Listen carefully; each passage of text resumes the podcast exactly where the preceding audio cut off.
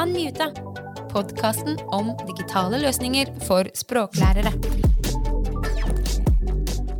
Hei og velkommen til Unmuta. Mitt navn er Camilla Cale, og i dagens episode skal du få høre fra skaperne bak kjemipodkasten Rosa Begerglass. Det er Cecilie Riksem og Gro Bjørnøy, og de er universitetslektorer fra Institutt for biologiske fag ved NTNU.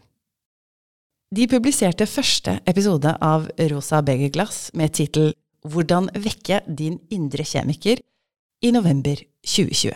Og det var da midt i pandemien, og i tiden da det meste av undervisningen foregikk på digitale flater, og hvor studentenes læringsfellesskap var nesten ikke-eksisterende. De hadde ingen erfaring med å utvikle lydinnhold fra før, men var nysgjerrige på hvordan de kunne få til å lage et engasjerende supplement til den digitale undervisningen. I 2021 publiserte de en rapport på sine erfaringer med å utvikle podkast, og den heter Hvordan kan en faglig podkast videreutvikles som et solid, faglig og engasjerende supplement til den digitale, men også fysiske undervisningen? Og for å finne svar på dette, så engasjerte de sine studenter i utformingen av innholdet, og det gjorde de ved å gjennomføre spørreundersøkelser. Og i rapporten som de skrev, så evaluerte de svarene de fikk, opp mot anbefalinger fra aktuell forskningslitteratur om temaet. Og så kom de frem til at det er åtte viktige faktorer som spiller en vesentlig rolle i utformingen av en faglig podkast. De skal vi ikke snakke om i dagens episode, det er link i shownotene til denne rapporten som jeg kan varmt anbefale deg å lese. Men det du skal høre om i dag, er deres erfaringer med å lage podkast, hvorfor det har vært verdifullt, hva det har ledet dem mot når det gjelder videreutvikling av undervisning, og hva som har bydd på utfordringer underveis. Så da får vi bare ønske Cecilie og Gro hjertelig velkommen til Unmuta. Ja, jeg eh, heter Gro. Jeg jobber som universitetslektor på Institutt for biologiske fag på NTNU i Ålesund. Jeg har undervist i kjemi så lenge som helst. Helt siden 95, tror jeg. Og jeg er litt sånn utålmodig type som liker veldig godt å prøve nye ting og nye undervisningsmetoder osv. I tillegg til kjemi så underviser jeg også i bioteknologifag. Jeg er veileder på bachelor i bioteknologi. Så egentlig litt sånn poteten som brukes veldig mye, både til å undervise grunnleggende bioteknologi, anvendt bioteknologi, instrumentell analyse. Ja. Jeg heter da Cecilie. Jeg jobber som eh, overingeniør og universitetslektor her på, på Institutt for biologisk fag i Ålesund. Jeg også er potet. Det blir brukt til undervisning og forskning og labundervisning og ja, veldig mye. Men det er da undervisning som er mitt eh, hjerte nærmest. da. Jeg får veldig mye glede av å stå og undervise. Og jobbe med å utvikle folk, egentlig. Hva slags forhold har du til podkast? Jeg ble jo veldig glad i podkast gjennom koronaperioden. Jeg kjente litt på at eh, ok, nå har jeg flytta hjem fra Trondheim og skal liksom finne meg sjøl igjen her på Sunnmøre. Og så kom korona, og så ble det litt sånn ensomt. Men eh, jeg syns at gjennom podkast altså kom du rett inn i en venninnegjeng. Og jeg kunne drive og pusse opp hjemme og høre på interiørpodkaster på øret. Og, og, følte at jeg var en del av et fellesskap, og det likte jeg veldig godt. Så det var en stor inspirasjonskilde for min del. da. Og så kom jo vi hit etter, at det begynte å låse oss litt opp igjen i samfunnet. Og så fikk vi beskjed fra læringssenteret her på NTNU Ålesund at eh, de har et podkaststudio. Bruk det. Og da så jeg og Gro på hverandre og tenkte det skal vi gjøre. så vi fikk lyst til å teste det, da. Det var vel litt sånn det begynte, egentlig. Ja. Og jeg kan jo bare si, jeg er jo sånn som tok master litt seint i livet. Jeg tok en master i 2017. Og da brukte jeg veldig mye videoer som jeg fant på nettet til å eh, tilegne meg lærestoffet, fordi at jeg jobber 100 ved siden av å ta den masteren. Så det egentlig det å få inn eh, fagstoff på en litt alternativ måte, det, det passa meg egentlig veldig bra. Jeg hadde en toåring hjemme. og jeg tok jeg master i Oslo, bodde i Ålesund, jobba 100% her. Så hadde ikke jeg tid til å gå på forelesning, og da var det egentlig veldig nyttig å kunne hente ut fagstoff da, fra andre kilder. Men da var det stort sett sånn amerikanske eh, videoer jeg fant. Da. Det var spesielt innen jeg skulle ta cellebiologi, eller molekylær cellebiologi, som er et veldig sånn tungt fag med veldig mye detaljer. Og litt vanskelig når du ikke har vært på forelesning og sett den i den eh, tunge, store boka, så var det veldig fint å få inn fagstoffet sånn, og da kunne jeg lytte på det når det passa meg sjøl. Selv om vi har snakka om det, så har jeg ikke hørt så mye på direkte podkast, sånn som Cecilie. Hun er jo den som virkelig har lytta på podkast. Men etter hvert som vi begynte å eh, gjøre litt litteratursøk rundt det med podkast, så forsto vi at video med lyd er jo også podkast, per definisjon. Sånn at uh, hvis du kan dra det så langt, da, så har jeg også brukt en del sjøl, når jeg skulle studere sjøl. Det er for så vidt enig. Jeg er også master i celle- og molekylærbiologi. Det er liksom én ting å lese om strukturene i cellene i boka, men en annen ting å få på YouTube og se dem liksom animert og med lyd og musikk. og ja. Mm. Det, det, gjør litt med en, da, syns jeg. Ja, så er det noe med å bli litt sånn kjent med måten man snakker eller bruker fagspråket på, da. Du får ikke alltid like godt inntrykk av fagstoffet gjennom, gjennom tekst som du gjør gjennom å høre gjennom øret, da. Nei, det er helt ja, det er sant. Det var jo ikke nødvendigvis å presentere fagstoffet på en ny måte som gjorde at vi tok i bruk podkast. Det var jo heller like mye det at eh, det var koronatid. Vi skulle da gjøre all undervisning digitalt. Vi møtte ikke studentene, vi visste ikke hvem de var. Men på den måten her så kunne de bli litt kjent med oss også hvis vi gjorde det litt uformelt. Og det, jeg vet ikke om du har lytta på noen av episodene, men de er litt sånn uformelle, prøver å være litt sånn morsomme. Sånn at de kunne bli litt kjent med oss som personer, da, som faktisk skulle undervise det her fagstoffet for dem. Så det var jo egentlig bakgrunnen i starten. Og det var jo tenkt at det var det lille publikummet der, kun studentene våre, som skulle lytte på det. Mm, og prøve å lage et fellesskap når de satt hjemme foran hver sin PC-skjerm. Ja, Det var så fint måten dere dro studentene litt inn, aktivt inn i prosessen ved å spørre sånn Ja, hva, liksom, hva vil dere høre på? Hva, liksom, Syns dere fun facts, eh, sånn naturvitenskapelig fun facts er interessant, eller vil dere ha noe som er enda mer spisset? Altså sånn at De fikk jo en slags, ut ifra det jeg har forstått fra rapporten, da, men at de fikk denne eierskapsfølelsen til prosessen også. Mm. Ja, det gjorde de absolutt. Og de prega jo podkasten vår. Den er jo forandra seg veldig fra første episodene til utover i, eh, i sangene. Det er jo to sesonger. Ja. Og Det en også må tenke litt på, er jo at det er jo tilpassa det kullet der. Hvis de kommer og får et nytt kull neste år, så kan de ha et, et helt annet meninger på det og vil ha mer populærvitenskapelig da, enn disse her som vil ha litt mer faglig tyngde og sånn. Vi syns jo begge var veldig spennende, da. Men det, det, er veldig kjekt å bare dra dem med inn i det, som du sier. Var det noen podkaster du tenkte at om det ikke nødvendigvis var direkte knyttet til faget kjemi, var det noen som dere tenkte ah, det her, det, en sånn type tilnærming kunne vi brukt? Jeg vet ikke om det er liksom én spesifikk, men bare podkastformatet, det å leke seg og prate i lag, det ville vi gjerne bruke. da. Og Det var jo noe som jeg, jeg kjente igjen i f.eks. Um, en jeg var veldig glad i, var Interiørpodden. Det var jo mens jeg pussa opp hjemme sjøl. Det, ja, det var jo nok alle gjorde under koronaen, egentlig. Så det var litt sånn godt å være i et fellesskap der var flere som pussa opp. Og, ja. Jeg tok litt inspirasjon, for der er det to stykker som prater i lag. Og den, den, fine dialogen mellom dem var noe vi føler vi kunne bruke sjøl. Mm. Det vet ikke jeg helt, vet ikke om Gro helt visste om det, men ja.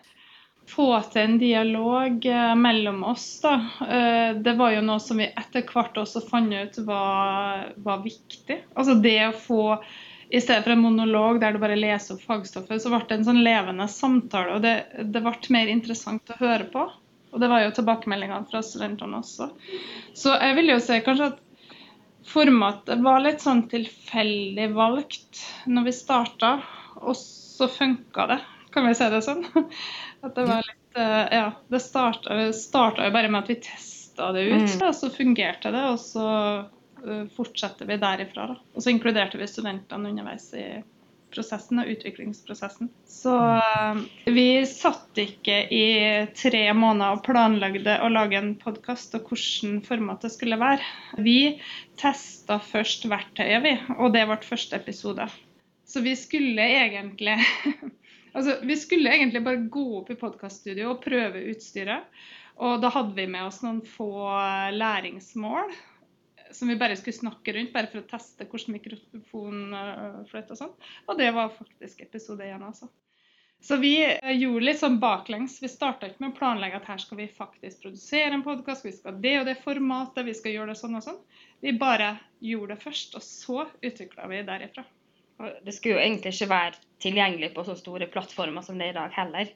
Vi starta jo med Panopto, som var noe ganske nytt på NTNU, og som ja, var for studentene for vår klasse. da. Men så fant vi ut seinere at det, de brukte ikke helt det verktøyet der, den plattforma. Og da var det lettere å få det over på Spotify for at de skulle bruke det. Hvis du skal ha den maksimale fleksibiliteten og tilgjengeligheten, så må man jo ut på de store plattformene. For, altså, Hvis man går på, på, skolens plattform, så må man jo inn dit og, og hente fram osv. Mens på Spotify eller på Apple så er det jo Da kan du være hvor som helst. Så lenge du har en fulladet eh, mobil og, og øretelefoner, så, så, har du tilgang. Mm. Ja. Og så tror jeg vi er flinke til å tenke at okay, når vi, når vi spiller inn, da, så blir det som det blir. Og så får vi se hvordan det gikk. Vi prøver Vi har liksom vi har ikke tenkt at det skal være perfekt fra første stund, for det, da får vi det aldri ut. Da blir det aldri noe av. Men vi er jo to perfeksjonister, så det er jo lettere sagt enn gjort. Ja. vi hadde jo en eh, spørreundersøkelse hvor vi involverte studentene i utviklinga av podkasten. Og når vi etter hvert forsto at de ønska annen plattform, de ønska mer tyngde på fagstoffet og litt sånn, så tok vi jo kontakt med Læringsstøttesenteret, og så fikk vi litt hjelp med hvordan formatet burde være hvis vi skulle ha det på podkast og eh, Apple Podkast og alle disse der. Bl.a. med struktur på episoder og tekst til hver episode, hvordan hver episodetekst for å få en enhetlig struktur. da. Så vi jobba jo litt med det før vi la det ut på Spotify. Så, så, det formatet er jo ikke før etter episode åtte. Det er jo Cecilie som er redaktøren. Vi har jo gjort det sånn at alle episodene, også de første vi spilte inn, har fått akkurat det samme formatet. Så vi har jobba med struktur. Men det var jo først når vi skulle ut på Spotify. For i starten var det jo bare et sånn helt lokalt greie som vi tilbydde bare til våre studenter. Og så var vi også heldige å ha kontakter da, gjennom Gro, som ordna en eh, medley til oss. eller sånn Vignett er det vel det heter på norsk. Ja, ja. det er faktisk det er det ikke det? Han ene han som ja, har laget det? Ja, Alf Inge Wang, jeg og han vi gikk jo på videregående sammen, og vi var jo i lag masse. Og så spurte jeg bare tilfeldigvis, for jeg visste han hadde komponert musikken til Kahoot. Og så sa jeg vi trenger en vignett, og hun syntes det var så kult at vi skulle lage podkast. Ja, det ville jeg! Så hun brukte jo tre dager eller noe sånt, og så hadde han komponert denne vignetten. Da. Så det var litt artig. Han fikk eh, ja, funky, funky kjemi. Ja. Det var stikkordet. Rosa begerglass. Mm. så jeg tror det er litt sånn inspirert av sånn boblende begerglass med noe funky oppi og litt sånn artig. Ja. Jeg er litt, litt, sånn nysgjerrig når dere snakker om at ok, første episode var litt sånn vi bare prøver mikrofonen, og så har vi et par læringsmål, og så ser vi hvor veien blir til. Men redigerer dere episodene deres, eller er det noen andre som redigerer dem? Det er meg. det er deg som, ok, Så du har gjort, alltid gjort alt redigeringsarbeidet? Ja. Fikk, vi fikk noen tips fra eh, læringssenteret. Og så eh, brukte vi, brukte vi, egentlig et annet redigeringsprogram. Fikk tak i Adesi eh, som redigeringsprogram og satte meg inn i det. Litt YouTube og litt googling, og så prøvde vi oss ut. Eller jeg prøvde meg ut. Så, hvilke program er det du bruker nå? Vi har brukt Audacity på det vi laga så langt. Og hva, hva syns du? Er du fornøyd? Syns du det er greit? Ja, jeg syns egentlig det var enkelt program å bruke. Men det tok, altså i hvert fall i starten, så syns jeg det tok mye mer tid enn jeg trodde, da. Men eh, jeg har jo aldri redigert noe med lyd før. Jeg laga noen sånn videoer som er brukt i undervisningssammenheng og sånn, men eh, ja, ting tar tid. kan jeg spørre deg sånn, så per episode, hvor lang tid bruker du på, på å redigere? Jeg kan bruke opptil tre timer. Men nå når jeg har gjort det en del, så går det mye fortere. Og i starten så var jeg veldig fokusert på hvert sånn, tullete ord, hvis vi sa masse M, f.eks., eller ja. Så brukte jeg liksom lang tid på å finne ut hvordan mønstrene så ut, og klippe det rett. Nå så ser jeg liksom mønster, altså det blir litt sånn Der er skilpadda, OK, da klipper jeg vekk den. Det, det går mye fortere, da.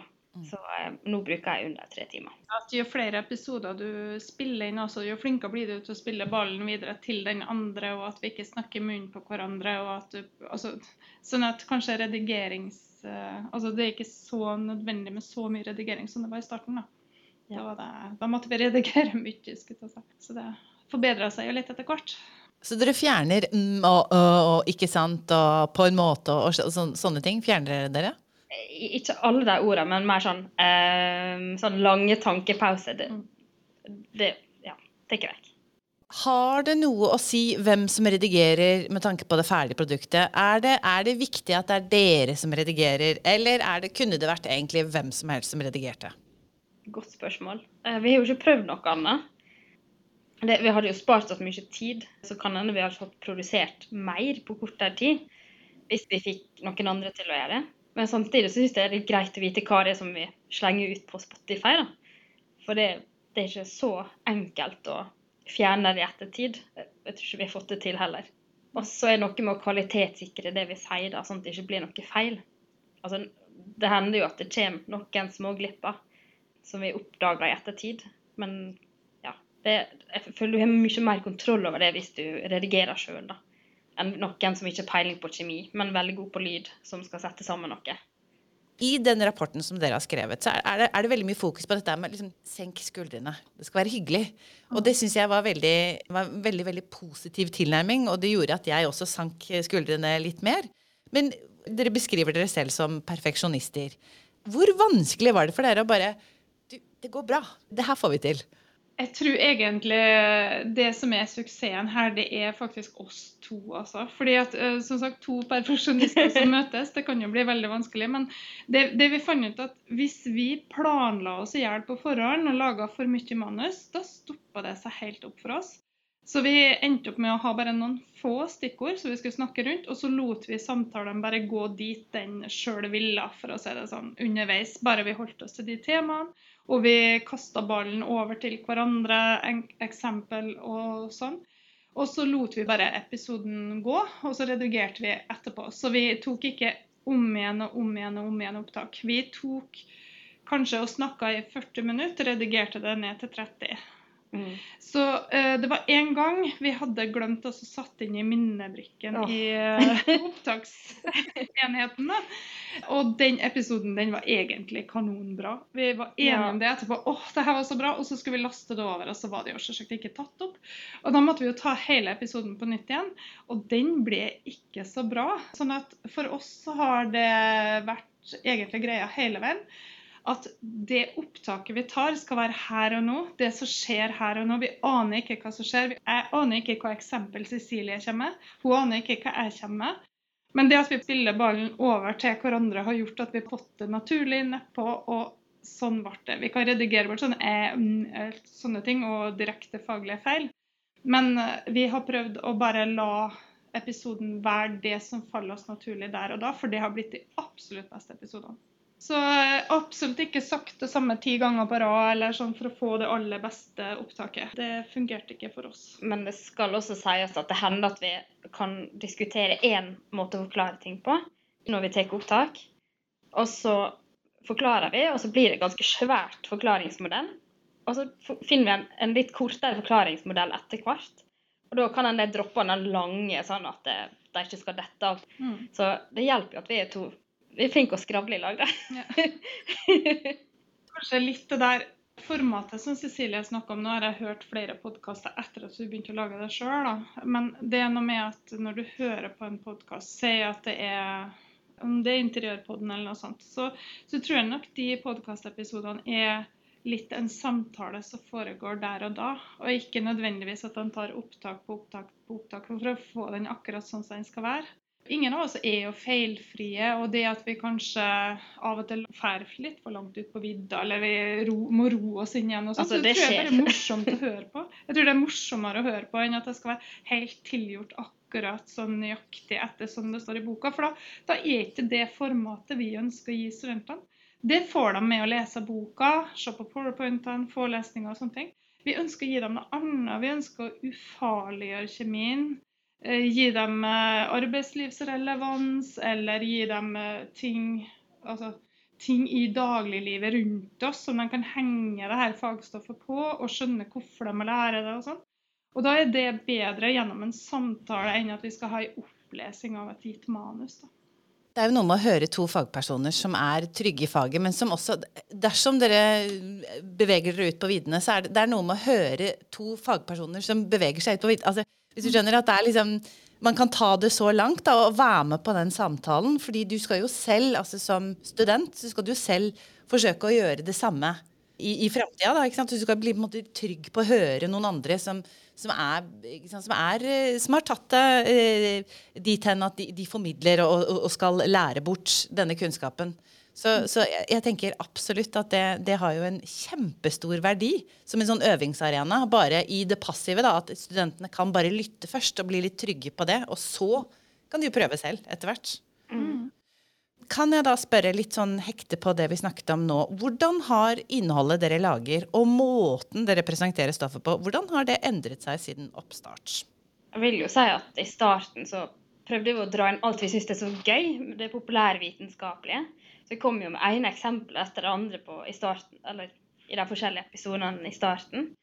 Men etter hvert som vi fant ut at studentene ville ha litt mer tyngde på stoffet, at det gikk gjennom litt grundig hva, hva det var vi forklarte til dem i forelesningene, så gikk vi over mer til det, da. I starten så skulle vi bare snakke til studentene våre, sant. Så vi drev og snakka om ja, i starten av boka så ser dere sånn og sånn, og tilpassa det veldig til fagene våre, da. Det endra jo seg når vi kom på litt større plattformer, da. Da tok vi det litt mer generelt, vil jeg si. Men ja, nei, jeg syns det fortsatt er litt sånn rart da, å høre sin egen stemme. Og når det redigerer, så er det sånn Ja, ja. det er litt rart å høre seg selv sånn hele tida, men uh, Og så blir han veldig sånn obs på sin egen stemme, og det er litt rart. Det hender at når jeg sitter og redigerer, at jeg sitter og flirer litt av oss, for jeg syns det er litt artig. er det flere episoder på vei? Ja, vi har jo en uh, sesong nå i organisk kjemi som er sju episoder. Den skal vi fullføre. Den skal være ti episoder. Men vi har jo leka med litt forskjellige ideer, egentlig. Om vi skal skille ut noe tema. Kanskje vi faktisk skal gjøre litt populærvitenskapelig allikevel, da, bare for dem som er interessert. Ta inn litt gjester, f.eks. Ja. ja. ja. Uh, vi skal jo også teste ut podkast i egne fag, bare at studentene skal lage miniepisoder som et type arbeidskrav. Mm. Eh, og det er noe vi skal ja, Vi er ikke helt landa på hvordan vi skal gjøre det, men det er i hvert fall noe vi skal teste litt ut sjøl. Mm. Og der er jo du tjuvstarta litt også. Ja, jeg er tjuvstarta. Men eh, det, det, blir jo på en måte en litt annen greie. Det er jo det at jeg har mye erfaring med bruk av podkast, og hva det har gjort med min egen eh, hva skal jeg si, både interesse, interesse for fag, det med læringsutbytte av emne og diverse. Prøve å overføre til studentene at det at de faktisk skal forklare noe ved hjelp av lyd, video, gjør at du lærer deg automatisk stoffet litt grundigere, fordi at du skal faktisk forklare det selv. Og det, har jeg nå brukt i to emner nå i vår. Så jeg har jo hatt uh, noen og 60 studenter som har produsert uh, podkaster som innlevering, og det har også vært vurderingsformen. Så når de var ferdig med denne produksjonen, så var de også ferdig med det temaet i emnet. Så ble det ikke spurt om det på eksamen. da. Så det var liksom uh, gulrota i enden. da, At de faktisk da ble ferdig. Hvis de gjorde det skikkelig, så lovte de at de ikke skulle bli spurt om det på eksamen. Og de gikk jo inn i det med liv og lyst. Og jeg kjørte jo spørreundersøkelser på det også. I begge de emnene så har jeg jo fått veldig god svarrespons. Og der er noe jeg skal skrive på, da. Men jeg har ikke kommet så langt at jeg har fått skrevet på det ennå. Men jeg tenkte jeg skulle utarbeide en artikkel på det, da. Men jeg har også lyst til å videreutvikle det litt uh, sammen med Cecilie i et, et eller annet, annet, format i høst i kjemifagene. For i vår så var det jo grunnleggende bioteknologi og instrumentell analyse jeg testa dette her på. da. Og studentene er egentlig kjempepositive til det. altså. Og de fikk også lov å bruke podkaststudio hvis de ønska det. Og de syns det var bare den det å lære seg det digitale verktøyet og produsere det å, For jeg sa en del ting til dem som ikke tenkte over. Det at dere må stå likt mikrofonen med lik avstand. Det er ikke godt å høre på en podkast som har sånn ujevn lyd. Du blir nesten sånn sjøsjuk og svimmel. og Det var liksom en del sånne tekniske ting jeg måtte lære dem. Da. Og det, det syns de var veldig interessant. Du merka at oh, vi får være i studio! det var litt spennende. da. Så, så, jeg tenker jo det er jo et format. Men jeg, jeg fremdeles, og det har vi snakka om hele veien, at uh, det er et supplement. Det er et læringssupplement. Det er absolutt ikke det formatet her de skal ha hovedundervisninga si fra. Altså. Det må de få inn på en annen måte, men det er et supplement som kan hjelpe dem til å forstå eh, fagstoffet bedre. da. Eller bare få repetert litt det som en har lært tidligere i høst, fram mot eksamen. Eller kanskje hvis det er noe du fortsatt lurte på etter for forelesninga, så kan du høre litt opp igjen på, på episoden og ja. Kanskje se det i en annen sammenheng, da. Ja, altså det dere beskriver her, er jo en sånn veldig sånn hvor Altså lydfiler, da, om vi ikke nødvendigvis sier podkast, men lydfiler i hvert fall, fletter seg veldig fint i den tanken om flipped classroom, om at, eh, at studenten får slippe til og får øvd seg på, på å bruke fagspråket, og på å ikke minst være kreativ med fagspråket i måten det formidles eh, på. Det er, det er både veilederen og studenten som eh, kan utvikle innhold som er av relevans for, for læringen. Jeg er helt enig i at det er på, ingen måte det eneste man kan levere. Det er ikke bare lydfiler. Men det er en måte å nærme, komme seg nærmere stoffet på. Og kanskje også en måte å ha en tettere dialog med eh, altså, hver student, da. Ja. Og jeg må jo bare si at i vår i grunnleggende bioteknologi så var det medisinsk bioteknologi de skulle presentere. da. Så de hadde fått ulike tema, immunterapi, uh, humane vaksiner osv. Ulike temaer de skulle presentere. Og de, eh, de laga det til som på en måte gruppa hadde som en sånn studio. og De snakka generelt om temaet, og så skulle de presentere egentlig ganske tunge medisinske artikler. da, Fagartikler som de skulle ha et sammendrag av. og De hadde jo litt begrensninger, de slapp jo å, ta, å sammenfatte hele artiklene, men de skulle ta del av det og sånn. Og det var utrolig lærerikt for dem å gjøre det på den måten her. Når de skulle presentere det, så satte de seg inn i stoffet på en helt annen måte. Og de måtte lære seg det tunge, tekniske fagspråket i artikkelen. For så å presentere det. Og mange sa det at hvis de skulle ha stått foran tavla og presentert det for resten, så hadde det Og de grudde seg veldig til det, da, sant? om de skulle si feil eller sånn. Men med det formatet så kunne de ta om igjen og om igjen opptak hvis de følte at det gikk litt sånn skeis. Så, så det var et mye mer behagelig format for dem. For de var kanskje kjempenervøse det første de snakka inn, men at eh, neste opptak ble litt bedre, da. Så jeg syns det fungerte utrolig bra i i hvert fall det emnet, da. Men en annen ting som jeg syns er vært viktig med podkasten, i hvert fall i våre emner, da, er at eh, i hvert fall spesielt i denne koronatida der det var stor distanse mellom folk, så følte vi at podkasten bidro til at de ble litt mer kjent med oss, men det gjorde at det var lettere å ta kontakt med oss når de først møtte oss eller var med på digital undervisning eller møtte oss på, på skolen og sånn. Og da hadde vi alltid snakka og prate om og annet det spennende kjemifaget, da. Jeg syns at det hadde flere formål egentlig enn hva vi så for oss innledningsvis, egentlig. Hvordan har responsen vært på rapporten dere har skrevet? Og trodde dere at dere skulle få den responsen da dere skrev rapporten? Nei, overhodet ikke. Og vi har jo Vi ble jo intervjua av universitetsaviser, og vi internt på NTNU var det jo en stor sak om oss, og lokalaviser. og vi har jo presentert på Vi ble jo spurt om å holde et innlegg på NVU-seminar på fakultetet. Og vi har vært på hva det heter, SEED-seminar. Ja, litt forskjellig. Og jeg ble spurt om å presentere Det var HK-DIR sin eh, konferanse i høst. Så ønska de at jeg skulle holde et innlegg om podkasten. Og det var jo veldig spennende. Og det her er jo sånn spontant at folk har tatt kontakt og lurt på om vi ville presentere arbeidet vårt. Så det er jo veldig, veldig gøy at folk har lyst til å høre om det her. At det faktisk går an å lykkes for to sånn helt uh, passelig midt på treet engasjerte kjemiforelesere som får til det. Altså, null erfaring i å produsere podkast, og så bare gjør vi det. sant? Ingen opplæring, vi går ikke kurs på forhånd. Det kan jo kanskje være anbefalt dere å gjøre det.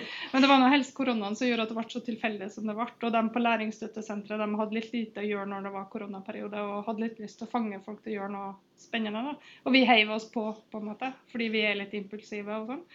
Men eh, nei, det var veldig artig at vi fikk så mye bra tilbakemelding på det vi gjorde. da. Folk har jo tatt kontakt også hvis de vurderer å lage podkaster. Så har vi fått litt e-poster fra forskjellige der. Og Det er jo litt gøy at vi kan inspirere andre til å holde på med sine podkaster igjen. da. Se hva, hva artig de produserer. Ja, absolutt. absolutt. Den rapporten, da jeg leste den, så var jeg bare sånn ah, dette, dette er bare så godt skrevet, det er så metodisk, det er så grundig.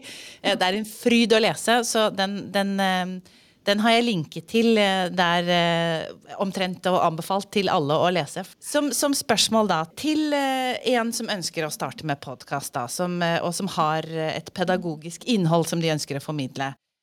Hva slags råd ville dere gitt? For min del så er det bare hopp oppi det. bare, ja. Eh, ikke vær redd for å drite det ut. Eh, jeg har hatt litt sånn eh, Kanskje ikke fint å si, men litt sånn fuck it-holdning. Bare ja, prøv, og så ser du hvordan det blir. Mm. Ja. ja, og så er det det med at det vi fant ut, det er at lyd har veldig mye å si. At det er god lydkvalitet. Så anbefaler jeg absolutt, hvis det går an å bruke et studio, så bør man bruke det.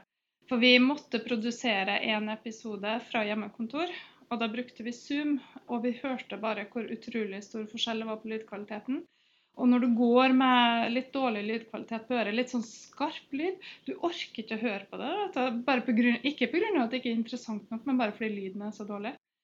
Det er viktig. Og så er det noe med at vi følte i alle fall at det med at det var en dialog, en samtale, var kanskje clouet i vårt tilfelle da, til å gjøre kjemien spennende nok. Skulle vi vært alene om å bare framstilt fagstoffet, så har vi ikke fått den der litt sånn morsomme tvisten på det, tror ikke jeg. da. Kanskje, jeg vet ikke. Det spørs litt om hvordan den personen er, men det med en dialog var i hvert fall for oss litt viktig. da, At det var en samtale. Så er det noe med at hvis du gjør denne innsatsen, så kan det hende at du føler at det er litt tidkrevende, tar tid med redigering og sånne ting. Men så er det jo så bærekraftig, fordi du kan bruke det om igjen og om igjen. Jeg har jo brukt det nå til to sesonger med generell kjemi, og studentene lytter på det. fordi at eh, i evalueringene så spør jeg alltid om det, om de har brukt podkasten, om de føler at det er økt læringsutbytte, interesse for faget. Så får jeg veldig gode tilbakemeldinger på det. Også selv om I høst så produserte vi jo ingenting. Si, da brukte vi bare den vi allerede hadde, og studentene bruker det. Nye studenter bruker det på nytt. Mm. Så, så, det er jo det som er så fint når du lager en sånn podkast, at du kan faktisk bruke det om og om igjen. da.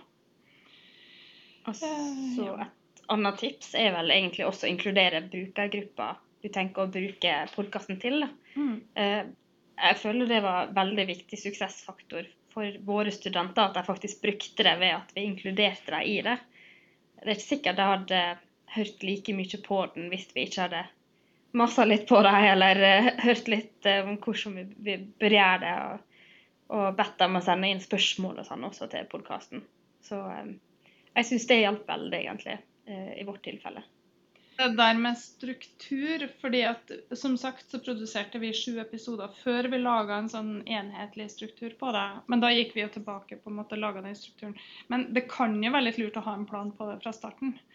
For til oss så var jo det her en spontan, spontan podkast, men vi hadde nok spart oss mye arbeid om vi hadde hatt en slags struktur på det fra starten av. da. At vi hadde sagt at episode 1 til 10, men at første episode er sånn, andre er sånn, og så hadde vi laga skikkelig struktur, også på innholdsfortegnelser, sånn, så vi visste hva hver episode skulle inneholde. da. I hvert fall hvis du skal tenke at du skal legge det ut på større plattformer som uh, sånn anchor-baserte plattformer. Mm.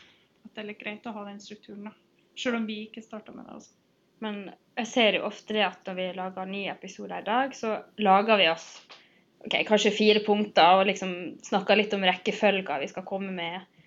Eh, sånn at vi vet ca. hva vi skal prate om. Men det at, det, at vi ikke helt vet eksakt detaljert hva vi skal prate om, det syns jeg er veldig viktig da, eh, for kvaliteten på våre episoder. For vi, eh, vi, vi havner ofte litt på blåbærtur, men vi syns det er litt gøy likevel. Så er vi, vi har det veldig gøy i lag. Mm. Vi har jo samarbeida med masse andre ting før podkastsamarbeidet òg, så vi visste at vi funka veldig bra sammen. Så det er jo også et godt tips. Finn en kjekk kollega og gjør noe sånn gøy med.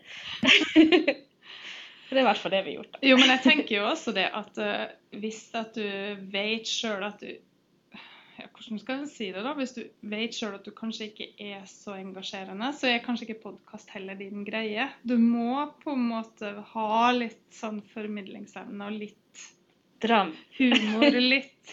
Jeg tror, jeg tror, faktisk det, da. At det har litt å si. At du må ha med i hvert fall litt engasjement for å kunne lykkes med en podkast. Og spesielt for det temaet du skal prate om. i hvert fall. Vi, vi kan jo trippe på tå i studio når vi holder på med å snakke om kjemi, for vi synes det er så gøy. Mm. Så ja, engasjement og at du Jeg tror det hjelper litt at vi blir fort gira, på en måte. I hvert fall jo, Mm. begge, egentlig. Jeg må jo bare se hvor mye vi har lært av hverandre. Altså, Så mange gode eksempel Cecilie har som jeg kunne dratt inn i mine emner, og Og motsatt. versa. Altså, Vi har lært kjempemye. Det er helt strålende altså, for, eh, for, for emneutvikling, hvis du kan tenke sånn. For, eh, for har innføring i kjemi, jeg har generell kjemi, så det er på en måte to forskjellige studentgrupper. Men vi underviser mye det samme. Og det at vi kan samles og ha den fagpraten, det er jo helt gull verdt, altså. Mm. Så det, men, så det utvikler oss på den måten, faglig, men også personlig, fordi at vi kan slippe litt den der at eh, det er ikke så farlig om du ikke sier alt perfekt, eller du Altså Det blir som det blir. Det blir som det blir, ja. Jeg tror kanskje studentene også merker det. At vi er litt avslappa når vi prater. Det er ikke kunstig. Det er ikke den, Det å være polert til enhver tid gjør at det, man blir litt skummel, kanskje. Altså At det er noe med å være liksom den, det perfekte svaret til enhver tid. Ganger, det vi må være litt mennesker midt oppi det hele. Og kanskje særlig nå i den digitale tidsalderen vi befinner oss i nå, så trenger vi, vi trenger å huske på at vi er faktisk mennesker. Ja. Som er, kan være rotete i kommunikasjonen noen ganger, men så lenge svaret blir riktig, og så lenge man liksom har en god dialog, så, så kan man jo tillate seg eh, å være nettopp litt eh, Altså bruke litt lengre tid på å komme til målet, da. Ja, Mm. Absolutt. ja da. Gro og Cecilie, tusen tusen hjertelig takk. Jeg gleder meg til å følge dere videre. Og så må dere bare produsere masse mer, for det er en fryd å høre på. Det er kjempegøy. Takk skal du ha. Det var veldig hyggelig at du ville, at vi ville ha oss med. Og eh, ja, jeg syns det var veldig artig. Rapporten som Gro og Cecilie skrev, ligger som link i shownotene. Den utbroderer prosessen deres, og der er det også mange gode kildehenvisninger til aktuell litteratur. Og så kan jeg også nevne at dersom du i løpet av denne episoden ble litt mer nysgjerrig på å teste ut podkasting med pedagogisk innhold, så ligger det også en link til en podkast som heter Podskolen. Det er en serie på ti episoder om hvordan lage en podkast for læring, der du får praktiske, tekniske tips på hva du bør tenke på i oppstartsfasen. I neste episode skal vi ha fokus på et digitalt verktøy som du kan bruke både i det fysiske klasserommet, men også i det digitale klasserommet. Det er et produkt som er norskprodusert, og som har fokus på å tilrettelegge forholdene i klasserommet, slik at det er mye lettere å være nysgjerrig. Du skal få høre fra Frikk Fossan fra Kuripod. Takk for at du lyttet.